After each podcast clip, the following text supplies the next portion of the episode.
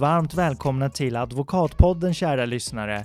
Ja, vi lever under coronatider just nu, men vi försöker hålla oss positiva och göra det bästa av situationen. Och vi hoppas att vi kan göra er tillvaro lite mer positivare. Idag kommer vi gästas av generalsekreteraren för Advokatsamfundet. Hon har också haft en tidigare advokatbyrå och dessutom agerat som rättsexpert hos Nyhetsmorgon. Och med det sagt vill vi varmt välkomna Mia Edvall Insulander. Nu kör vi!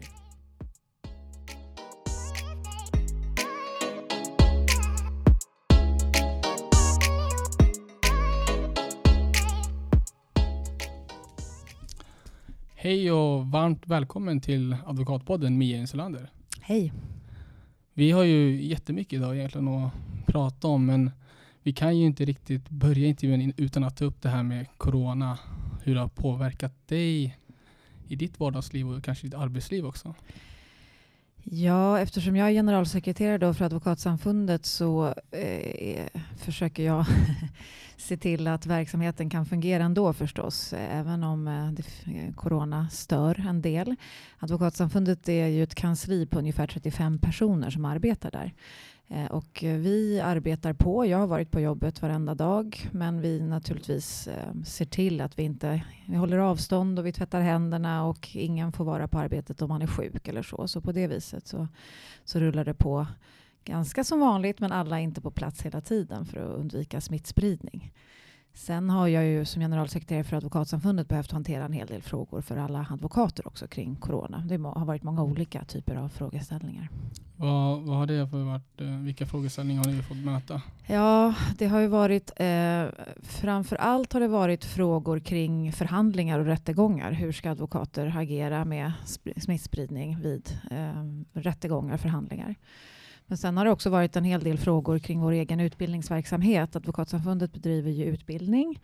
Eh, och vi har anordnar stora konferenser bland annat och så. Där har ju vi, precis som alla andra som anordnar utbildningar och konferenser, varit tvungna att ta ställning till om de kan genomföras eller inte. Så det har varit många sådana beslut kring det. Men eh, tror du att det påverkar rättssäkerheten på något sätt? Ja, det tror jag ju. Ehm, det påverkar ju absolut de individuellas möjligheter att få sin sak prövad eftersom det är så många förhandlingar som ställs in. Ehm, och det är ju eh, bekymmersamt ur ett rättssäkerhetsperspektiv, definitivt. Mm. Men hur, hur, tror du att eh, alltså arbetsmarknaden för examinerade jurister eller även de som har en jurkand, hur påverkar det dem? Det är lite tidigt att säga än så länge. Eh, vi har inte fått signaler från advokatbyråerna eh, att det är någon större skillnad än så länge. Men då ska man ju komma ihåg att det har inte pågått jätte, jättelänge. Men vi tror ju att eh, advokatbyråerna kommer att anställa färre nyutexaminerade jurister framöver det här året. Att man antagligen är mer försiktig med nyanställningar. Det, det är vad vi tror. Det är en bedömning. Tror du att det spelar någon roll om det är brottmålsbyrå eller om det är affärsbyrå? Ja, det är en bra fråga. Lite svår att svara på, men jag tror ju att det har betydelse. Storleken på byråerna har betydelse. Därför att större, de större affärsjuridiska byråerna, de har ju eh, oftast, de anställer ju fler helt enkelt generellt än vad eh, brottmålsbyråerna är nästan alltid mindre. Så att på det sättet så tror jag att det kan ha en, en, eh, betydelse. Att det blir ju, ska man dra ner, om både brottmålsbyråerna och affärsjuridiska byråerna drar ner så är det ju färre som anställs på de brottmålsbyråerna än på en affärsjuridiska byråer. Så det, det tror jag. Sen har vi ju alla, alltså man ska komma ihåg att mer än hälften av alla advokatbyråer är faktiskt enmansbyråer. Um, och uh, är det en enmansbyrå så kanske man inte ska anställa ändå. Men tänker man att man vill gå från en till två så är det ju kanske mindre sannolikt att man gör det i coronatider tror jag än, än, än annars. Och sen är det också med, med häktena och det blir längre häktningstider också. Ja, absolut. Det, mm. och det är ju också, alltså, om förhandlingar ställs in så blir ju häktestiderna längre. Det har varit ett stort eh, problem för kriminalvården. Ju. Där, där, finns det ju redan ganska ont om, om platser. Eh, när det gäller intagna så beslutade kriminalvården också det var i februari någon gång så beslutade man ju om att intagna inte skulle få några medel, alltså pengar. Eh, Han hanterade det själva ut, utifrån sett. Och då var det en ganska stor diskussion kring det, om det verkligen var rimligt att intagna inte skulle kunna få pengar av eh, familjemedlemmar till exempel för att köpa mat i kiosken eller så. Och sen utöver det som kom corona där man eh, stängde ner besöksmöjligheten för intagna att få besökare. Så att eh, i den världen så vet jag att det har varit högst problematiskt för eh, för de intagna faktiskt. Att, att både kunna handla eller bes, få, få besök eller så. Det, det är faktiskt, har varit väldigt bekymmersamt. Tror man att eh, på kort sikt att det här beslutet kommer att ändras? Det beslutet, jag vet att, att det har eh, skickats in anmälan till JO. Så att JO tittar på det och jag har fått besked om att de kommer att göra det före sommaren faktiskt kanske till och med. Så att då får vi se. Det var ju ett, eh, ur vår perspektiv, vi tillskrev eh, dem ganska direkt efter att det här beslutet kom. För vi fick ingen förvarning om det, Advokatsamfundet. Vi blev inte tillfrågade. Och vi ställde oss frågande till kring vad man hade gjort för av, överväganden kring det här beslutet helt enkelt. Och om det var proportionerligt. Um, men uh, ja, vi får se vad JO säger. Om du ska, kan få säga lite då, vad, vad, tror du att JO kommer komma fram till? Jag skulle tro, eftersom beslutet inte enligt min mening var särskilt väl motiverat, så jag, kan jag tro att det är ganska sannolikt att de kommer att, att uh, invända uh, mot, mot det beslutet. Mm vi får vänta och se helt enkelt. Mm. Eh, men eh, vi har ju bjudit in dig för att du är generalsekreterare för Advokatsamfundet. Mm. Eh, vi kan ju börja med att ställa dig frågan, vad är Advokatsamfundet för något? Advokatsamfundet är en, en organisation, en slags privaträttslig organisation, men med myndighetsutövning också. Um, där vi uh, verkar för advokater kan man säga. Vi beviljar ju då jurister inträde i advokatsamfundet eh, och det är ju en, en viktig uppgift eh, vi har. Eh, och man får titeln så att säga genom oss, genom advokatsamfundet. Ehm, sen har vi också en, en disciplinär verksamhet. Så vår uppgift är ju också att se till att advokaterna sköter sig och följer de etiska reglerna vi har. Um, sen är Advokatsamfundet också en viktig um, instans när det gäller rättssäkerhetsfrågor och, och i, uh, vi är en viktig remissinstans. Vi svarar på väldigt många remisser per år till exempel. Men vad, hur blir man medlem i Advokatsamfundet? Vad krävs det? Ja, det är en bra fråga. Man uh, måste ha arbetat som jurist. Först måste du ha en juristexamen. Sen ska du ha arbetat som jurist, varit praktiskt verksam i tre år. Och sen kan du ansöka om att bli uh, ledamot i Advokatsamfundet och få titeln advokat. Eh, och då måste du eh, skicka in en ansökningshandling. Först måste du ha genomgått kurser, tre kurser i eh, etik framför allt. Du måste ha avlagt en advokatexamen. Ett prov i konstitutionell rätt också. Och efter du har gjort det så kan du ansöka. Och, när du gör det så ska du styrka din redbarhet kan man säga. Lämplighet. Är du lämplig att bli advokat? Eh, och då ska man också uppge alla, eh, man ska uppge referenser, alla personer som du har arbetat med under de här tre åren. Alltså advokater, domstolar och myndigheter ska du uppge som referenser. Och så får de yttra sig om din lämplighet om att bli advokat. Eh, och sen prövar Advokatsamfundets styrelse om ja. det. Det var inte lite. Nej, det krävs en hel del. Ja, det krävs en del. Ja. Ja. Men man måste inte alltså sitta ting för att kunna bli advokat. Nej. Utan man kan gå andra vägar. Ja, det har inte jag gjort. Nej. Nej. Till exempel. Nej, det måste man inte. Men har du ändå någon åsikt om de här nya kraven för att kunna få en tingsnotarieplats? Att det liksom, kanske man har hört eller läst några debattartiklar där det läggs väldigt mycket fokus på butikhetsen. Mm. Att man skippar arbetslivserfarenheter nu. Mm. Så att de har ställt högre krav också. Jag vet. Ja. ja, jag minns faktiskt inte på rak arm exakt vad de detaljerna är. Det var ett tag sedan jag läste det där. Men jag vet att det har kommit kritik och från studenthåll som har varit väldigt kritisk kring det hela. Så att jag vågar inte uttala mig exakt om hur, för jag minns inte på rak arm hur de ser ut, men de nya kraven.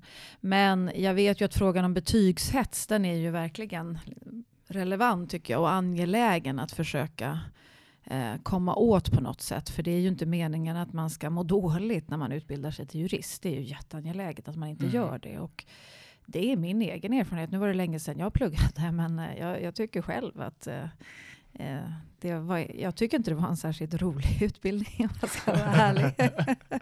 och jag tyckte att den var liksom kravfylld på ett sätt som inte var, så, det var inte positivt i, i stort. Det fanns mycket bra också, men, men liksom i stort så tycker jag inte det. Så det där är viktigt att komma åt. Nu pluggade jag i Stockholm kan man kanske lägga till. Jag Mm. tror att det kan vara olika beroende på vad man pluggar. Ja, vi pluggar ju också i Stockholm, men eh, vi, jag vet inte hur du känner Elias, men eh, det har ju varit till och från. Vissa stunder har ju varit, eh, ska vi säga, enklare då, eller mindre plugg så att säga, men andra stunder har man kanske haft mer att göra. Ja, ja nej, men jag tror det också hänger ihop med vilken kurs man läser. Det är svårt att prestera bra på något som man kanske inte är jätteintresserad över. Men Nej. sen så kanske man samtidigt vill ha höga betyg. Och eh, då blir det tuffare Mm. helt enkelt. Ehm, men eh, du pluggade på Stockholm och eh, blev du advokat då? Eller du, du jobbade tre år direkt efter och blev advokat? Ja, jag var dessutom tvungen att jobba fem år för Ja, att då var det. ett femårskrav. Mm. Så att jag blev eh, jurist 2001 tror jag tog jag min examen. Och sen jobbade jag på advokatbyrå i eh, fem år. Och sen gjorde jag advokatexamen. Och hur hamnade du som eh, generalsekreterare då? Ja, bra fråga. Jag har varit lite engagerad i Advokatsamfundet eh, och jag tycker att det kan vara viktigt att säga, för speciellt till de yngre, att det finns faktiskt möjligheter att vara engagerad i Advokatsamfundet. Vi gör ju väldigt mycket. Vi anordnar sammankomster, kurser, utbildningar. Eh, vi svarar på remisser som är ett viktigt, verkligen en viktig fråga i liksom rättssamhället, att svara på ny lagstiftning och hur, hur, man, hur man ser på den. Och vi, vi gör väldigt mycket. Så att jag engagerade mig en del i Advokatsamfundet. Jag start, var, fick möjligheten att vara med och starta ett, eh, eh, ett nätverk för yngre jurister då som hette Advokat i framtiden. Så att jag tror genom mitt eh, engagemang i Advokatsamfundet så, så väcktes ju ändå tanken kring, man förstod hur organisationen ser ut där, att det finns en generalsekreterare och det finns en styrelse. Det finns en disciplinnämnd som vi har också som gör ett arbete kring att se hur advokater sköter sig och så. Och jag tyckte det var väldigt spännande och intressant. Det var liksom något annat utöver, jag jobbar ju som jurist och advokat i många år, men det var spännande att få det här äh, andra perspektivet också. Och träffa advokater som jobbar med annat än det jag jobbade med. Och äh, för några år sedan så fick jag frågan om jag ville sitta i styrelsen. Och det var som att öppna upp en hel ny värld. Det var jättespännande faktiskt att sitta i styrelsen. För där sitter 20 advokater som jobbar med olika typer av juridik i hela landet också. Det är inte bara Stockholms advokater. Så det är liksom affärsjuridik, straffrätt, eh, arbetsrätt. Eh, ja, jättespännande. Och så fick man en in, insikt i Advokatsamfundets arbete. Och genom det så fick jag ju då förstås reda, jag satt i styrelsen när man skulle söka ny generalsekreterare. Och så fick jag frågan om jag trodde att det kunde vara ett arbete som jag ville söka. Och då tänkte jag väldigt noga igenom det, för jag tyckte jättemycket om att jobba som advokat. Så att jag var så här, gud, ska jag, göra, ska jag liksom kliva av min advokatbyrå och göra någonting annat? Varför ska jag göra det? Så, så man kan inte jobba som advokat samtidigt som man är generalsekreterare? Det går Nej. inte att kombinera de två? Nej, Nej. främst skulle jag säga tidsskäl. Jag Mm. jobbar ju otroligt mycket som generalsekreterare. Det är verkligen ett heltidsarbete. Men sen är det ju viktigt att jag som generalsekreterare inte har några intressen i någon advokatbyrå. Eh, samfundet företräder ju på ett sätt alla advokatbyråer så jag ska inte ha några intressen i, det handlar om oberoende och så i någon advokatbyrå. Så att jag, skulle jag ta det här, chansen att söka det här jobbet så var jag tvungen att kliva av från min advokatbyrå som jag var delägare i. Så att jag funderade ganska noggrant eh, på det. Men kom fram till att ja, men det är ju en jättemöjlighet att få, få, få göra det. Så att då så sökte jag jobbet. Så det var, det var ju ett, sen var det ett vanligt eh, ansökningsförfarande. Så att säga. Det var många som sökte jobbet. Men rent konkret, vad innebär det att vara generalsekreterare för Advokatsamfundet? Ja, dels är jag ju chef för kansliet. Vi är 30, det är 35 personer som jobbar på Advokatsamfundet. Så det är ju mitt jobb att se till att det rullar. Det vill säga att utbildningsverksamheten, vi håller ju utbildningar, att det funkar. Att vi svarar på alla inträdesansökningar, att det blir styrelsemöten, att disciplinnämnden sammanträder och så. Det är liksom ett stort jobb. Sen är det ett jättejobb att svara på remisserna. Jag läser ju igenom alla de remisserna också tillsammans med ordförande och vice ordförande. Och sen handlar det ju om att i utåt sett att eh, förklara advokatyrket, vad det är, vad är rättssäkerhetsfrågor, så att det är väldigt mycket kontakt med media i olika sammanhang. Och det är viktigt för att Advokatsamfundet eh, Dels är det viktigt att informera om advokatens roll. Vad är en advokat och varför är det så viktigt att det finns advokater i vårt rättssamhälle? Det är liksom otroligt angeläget. Det är ju verkligen vår uppgift att informera om det. Jag tror faktiskt där också att allmänheten har en viss bristande kunskap kring vad en advokat är och varför advokater är viktiga och vad är skillnaden på advokat och jurist. Där finns det massa, det är vårt jobb att informera om det. Eh, men också har ju Advokatsamfundet tagit den här uppgiften av att eh, informera om rättssäkerhet. Det är inte jättemånga instanser i Sverige som, som gör det egentligen. Så den bollen ligger lite grann på oss. Mm. Men disciplinnämnden har ju en uh, viktig roll i hela samfundet. Då. Men vad är deras roll? Vad är de? Disciplinnämnden är då, den består av 11 ledamöter. Det är åtta advokater och sen är det tre representanter som är utsedda för, från allmänheten. Um, så det, de är idag det är en um, jurist och två uh, politiker kan man säga. Deras roll är ju att pröva eh, främst anmälningar som kommer in till Advokatsamfundet. Alltså man är missnöjd med hur en advokat har agerat på något sätt. Så kan man göra en anmälan om det och då gör man det till Advokatsamfundet. Och så är det disciplinnämnden som prövar det. Så de är som våran domstol kan man säga. De har möten ungefär en gång i månaden. Och så prövar de de olika frågorna. Det kan vara allt ifrån om en advokat är jävig till om en advokat har dröjt för länge med att, att göra någonting till hur advokater agerar på sociala medier har varit aktuellt sista tiden och så. Och så prövar de det. Eh, jag kan säga att det är inte bara så att anmälningar prövas utan det kan också vara så att vi på Advokatsamfundet fångar upp någonting, till exempel via media, om det skrivs i media om någon som advokat eventuellt som har betett sig på ett sätt som man kan undra över om det har, står i överensstämmelse med våra etiska regler. Eh, då kan vi eh, dra igång ett ärende också. Då kan, kan jag tillskriva den advokaten och fråga eh, vad är det här? Vad, hur, hur ser du på det här? Och sen kan styrelsen skicka det till disciplinnämnden så att disciplinnämnden får titta på det. Men hur många ärenden får ni in ungefär per år? Oh, det vet jag inte på rak arm. Nej. Är det över hundra ja, kanske? Det är det. Ja. ja, precis. Det är, det är många ärenden, absolut. Och där är det viktigt att säga att vi har ju då, blir man advokat så är man, vi har ju vårt eget etiska regelverk så att säga. Vi har, dels är advokat reglerat i lag, i rättegångsbalken. Så det är ett lagreglerat yrke. Om du utger dig för att vara advokat utan att vara det, då kan du få böter. Um, men det är ju också så då att det, förutom rättegångsbalken så har vi våra vägledande etiska regler. Eh, och de är man ju bunden utav om man är advokat. Man måste agera enligt de etiska reglerna och det är mot dem då som disciplinnämnden prövar frågor helt enkelt. Vad är det värsta då som, som kan hända ifall man fälls av disciplinnämnden?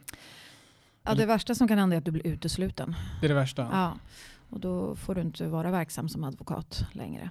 Och kan man försöka ta, ta titeln igen då eller? Ja, blir utesluten, dels så, ett sådant beslut kan du överklaga och då överklagar man faktiskt till Högsta domstolen. Mm. Så då blir det en process i Högsta domstolen i så fall. Så att det finns en överklagningsmöjlighet. Eh, men om inte Högsta domstolen beviljar då inträde eller omprövar det, då kan man söka igen på nytt. Och då får styrelsen pröva det eh, efter om det har gått ett tag, om det finns nya skäl till att man är, har visat sin, sin eh, lämplighet helt enkelt att bli advokat. Men påföljderna under uteslutning är att du kan få en erinran, det är den lägsta formen, eh, en varning eller en varning med straffavgift som är på högst 50 000. Mm. Eller så är det uteslutning. Men jag tänker att i disciplinnämnden eh, sitter det advokater mm. som ska bestämma då. Mm. Och man har ju hört att advokatbranschen är väldigt liten, att alla känner nästan alla. Hur blir det då med det här med att man ska vara opartisk då? Mm. Hur tacklas man med det?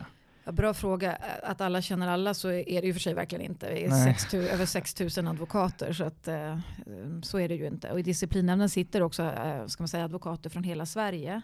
Så det är ju viktigt att komma ihåg att de är och med olika kunskaper från olika rättsområden. Men jag tänker om det är en känd advokat då som alla vet vem den personen är. Mm. Eh, hur kan man vara opartisk då? Alltså det är väl, det ska jag säga är egentligen samma uppgift som att du är domare. Att du faktiskt eh, som domare ska döma över någon person som är känd. Bara det för att vi har samma titel så betyder ju inte det att man, att man har en, en, en, lojalitet med varandra faktiskt. Men däremot så tillämpar vi ju jävsregler förstås. Så du får ju inte vara med och avgöra ett ärende med någon advokat som du känner väl. Så att man, vi har alltid jävsregler och de, de får inte vara, man är inte med och beslutar i ett ärende där man har, har kontakt på något sätt och känner advokaterna mer privat. Du pratade också om det här med advokatetik och advokatregler och så. Tycker du att det är för många regler som en advokat måste förhålla sig till?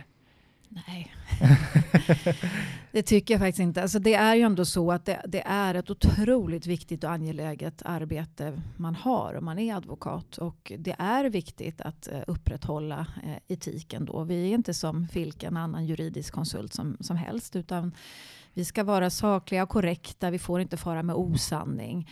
Det är liksom oerhört angeläget tycker jag att, att vi fortsätter ha de reglerna. Sen kan man ju för sig då säga att liksom tider förändras. Så att det är klart att Ibland kan man ju tänka på att ja, vad är sa att uppträda sakligt och korrekt? Vad är det egentligen? Och ser vi på det lite annorlunda idag kanske än vad vi gjorde för 15 år sedan så är det ju säkert. Men, men det finns ju en viss, ett visst utrymme för att ändå pröva det då inom disciplinnämnden. Alltså till exempel om man kommer tillbaka till det här med sociala medier så fanns ju inte det för 15 år sedan. Så det är klart att det är en, en ny aspekt på att uppträda sakligt och korrekt i sociala medier måste man ju pröva nu då när det finns och, och, kan man inte jämföra med praxisen för 15 år sedan kanske. Mm, men vi tänkte också på det innan, innan du kom hit faktiskt att eh, sociala medier det utmanar verkligen den här advokatetiken att det ska liksom utföras på rätt sätt. Mm. Hur, eh, hur tror du att, vad är den största utmaningen med sociala medier? Du har helt rätt i det, att det är verkligen en utmaning. Och, och, man ser, vad man ser så tydligt tycker jag är när advokater använder sociala medier och när man hör diskussionerna kring det. För det, det diskuteras ju ganska mycket i media och bland advokater och så. så här, men herregud, hur kan man skriva något sånt där? Eller hur kan man lägga ut den där bilden? Liksom? Och att man har olika referensramar. Det blir så tydligt faktiskt. Mm. Att man, någonting som en tycker är humor tycker någon annan är direkt stötande. Mm. och det, det, det blir tydligt tycker jag. Och det är väl liksom den stora utmaningen. Det är ju disciplinnämndens jobb på något sätt att också då försöka i det här hitta, en, de, de utbildar de får ju nya ärenden på sitt bord som de ska pröva och så eh, uppstår det en praxis utifrån det helt enkelt som är meningen att advokater ska kunna följa sen framöver. Men om vi försöker bena ut det lite, är det totalt förbjudet att marknadsföra sig på sociala medier? Nej, det är klart inte. Det är inte det. Och och om jag mm. som advokat då skulle skriva till exempel eh, jag ska säga, tips och råd till eh, folk att ja, men om polisen stannar dig så ska du säga att du begär en advokat innan du pratar. Eh, kan det vara något som är okej okay att skriva på sociala medier? Ja, om du säger sådär så ja, det kan det ju antagligen vara. Alltså, ja. Det är ju inte fel att informera om korrekta saker. Nej. Och det är viktigt tycker jag att säga också att advokater får ju marknadsföra sig fritt. Det är bara marknadsföringslagen som sätter hinder. Och, och så att det finns ju inga regler som säger, för, för flera år sedan, eh, då fick inte advokater göra reklam. Eh, men så är det ju inte idag. Och jag tycker det är viktigt att säga att advokater behöver ju marknadsföra sig också. Man, man, man behöver nå ut. Eh, särskilt om man är, där är också skillnad på vad man är för typ av byrå när vi pratar om marknadsföring i sociala medier så är det ju främst brottmålsbyråer som, som man har diskuterat i media. Och det är ju inte så konstigt därför att deras, de de vill nå, deras klienter är ju ofta kriminella och lever kanske ett annat typ av liv än vad affärsjuridiska byråernas klienter gör. Mm. Så det är inte konstigt att man behöver och vill marknadsföra sig på olika sätt.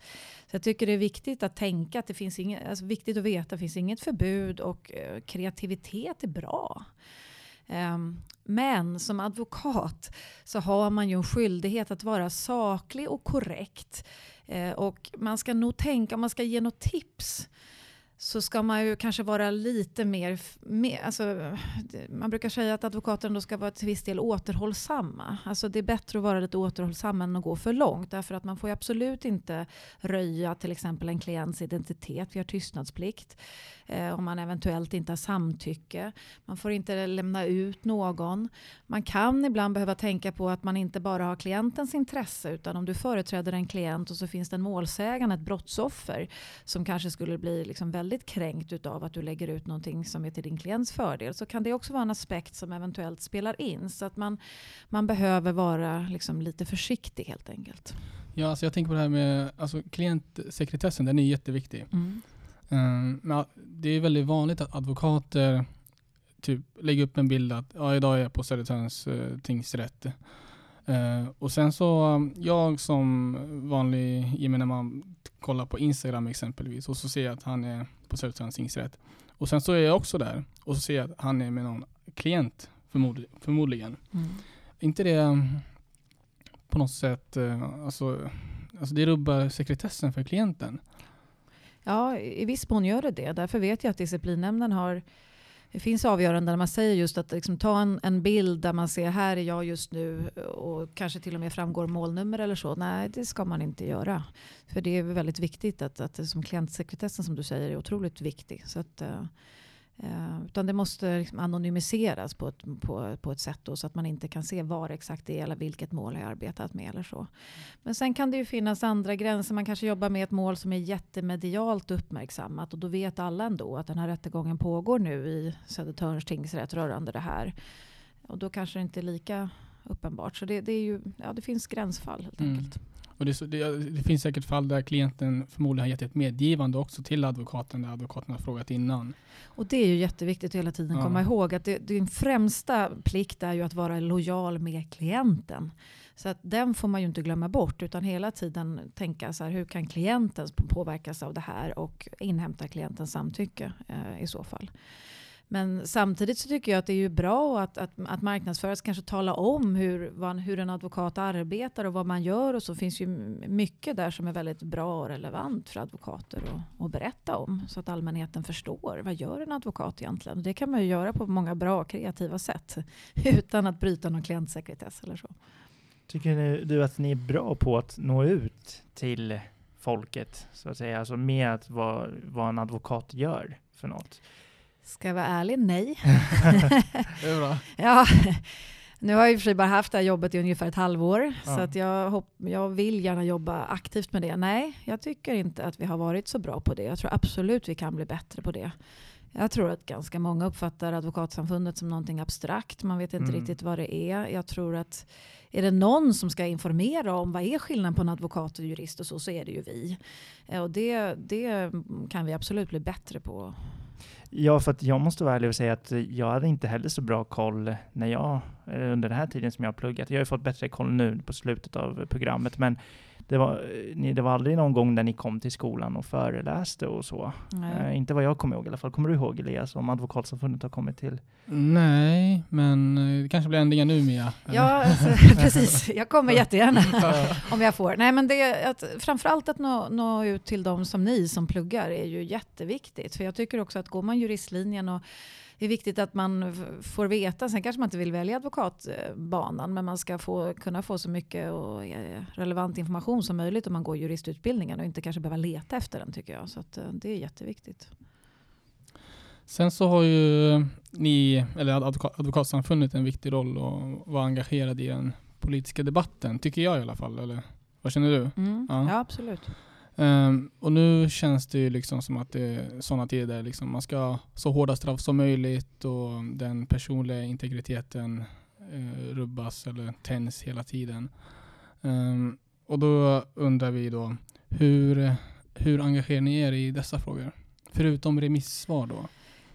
Ja, remissvaren är viktiga, för där är väl vi eh, en av de instanserna som mest och, och, högst eh, argumenterar för rättssäkerhetsfrågor. Så att remissfrågorna är viktiga. Men sen, eh, vi gör ju ganska mycket. Vi föreläser, vi skriver debattartiklar. Ehm, eh, och jag gör väldigt många intervjuer kring de här frågorna för att nå ut. Och det gjorde min företrädare också, Ann Ramberg. Så att, ehm, ja, vi försöker verkligen nå ut så, så mycket som möjligt.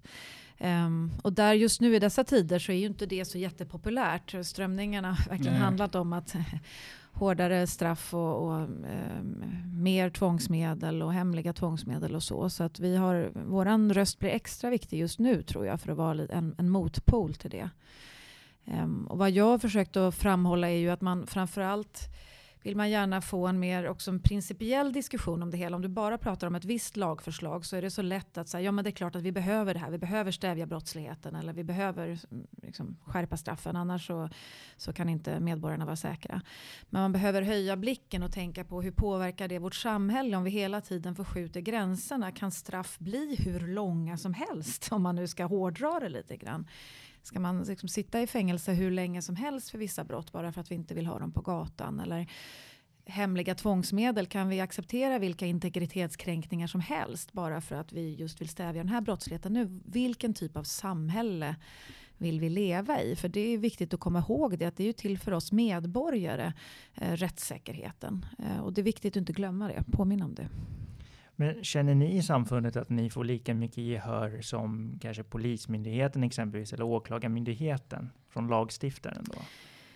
Nej, alltså politik är ju, den är ju styrd av vad, vad väljarna vill ha på något sätt. Så att, mm. just nu så tycker jag nog att tendensen är att vi kanske inte riktigt får lika mycket gehör. Mm. Utan just nu vill, nu vill man gärna ha hårdare lagstiftning och högre straff, strängare krav. Um, men just därför så är det viktigt att vi hör så mycket som möjligt och att vi, vi, vi påtalar det. Um, I det där så ligger ju också, jag vill komma tillbaka till advokaterna hela tiden, för mm. i det där ligger ju att också informera om vad advokater är. Jag stöter ofta på missuppfattningar kring det. Jag gjorde en intervju i radio ganska nyligen, lördagsintervjun, och, och då var den journalisten inne på så här, ja men eh, var, så du tycker att advokater ska, ska mm, verka för att människor går fria då, att ingen ska sitta i fängelse, ungefär så.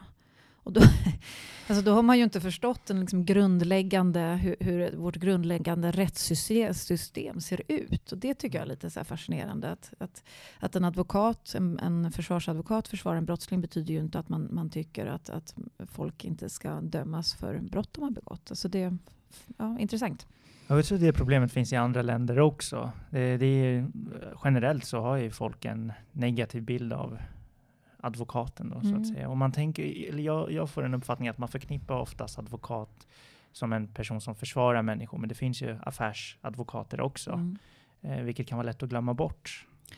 Ja, precis. Den typiska advokat, därför är ju, det måste jag säga, om ni har tänkt er att kanske jobba med, med brottmål framöver, att brottmålarna är ju eh, extra viktiga, på att säga, men de är väldigt viktiga därför att de är ju på något sätt ansiktet för advokater som det ser ut just idag. Så det är mm. viktigt att, att brottmålarna föregår med gott exempel kring vad en advokat är, för att det är de som syns utåt. Mm.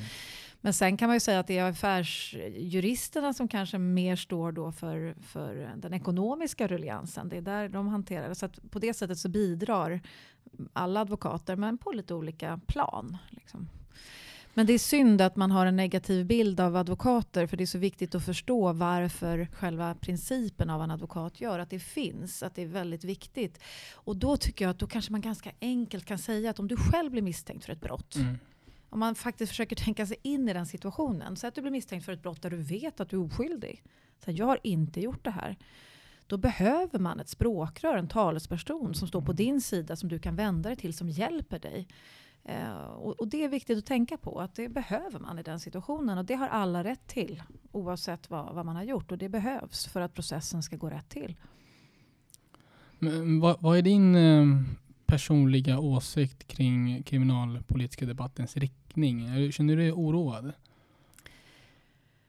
Lite mm. gör jag det. Jag känner mig lite oroad för att uh, politikerna gärna vill ha hårdare tag för att det är det väljarna, allmänheten på något sätt vill ha. Och så glömmer man bort de här större perspektiven. Det känner jag mig lite oroad för.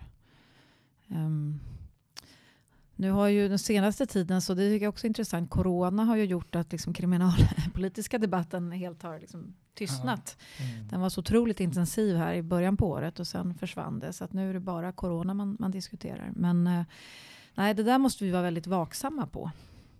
Nu ska man ju för sig då komma ihåg också att Sverige är ju ändå ett land där vi Eh, vi ligger ju ganska högt upp på rättssäkerhetsindexskalan till exempel. och Så så att jämfört med många andra länder där situationen är betydligt värre så har vi det ju relativt bra. Men även vi behöver fundera på vartåt, vartåt det bär.